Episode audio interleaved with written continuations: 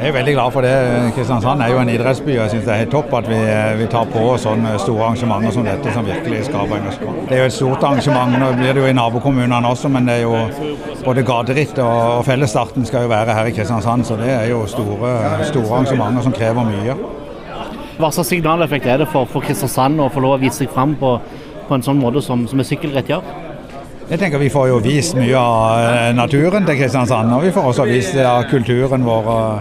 Og forhåpentligvis på en veldig fin eh, periode av året som, som Kristiansand er på sitt beste.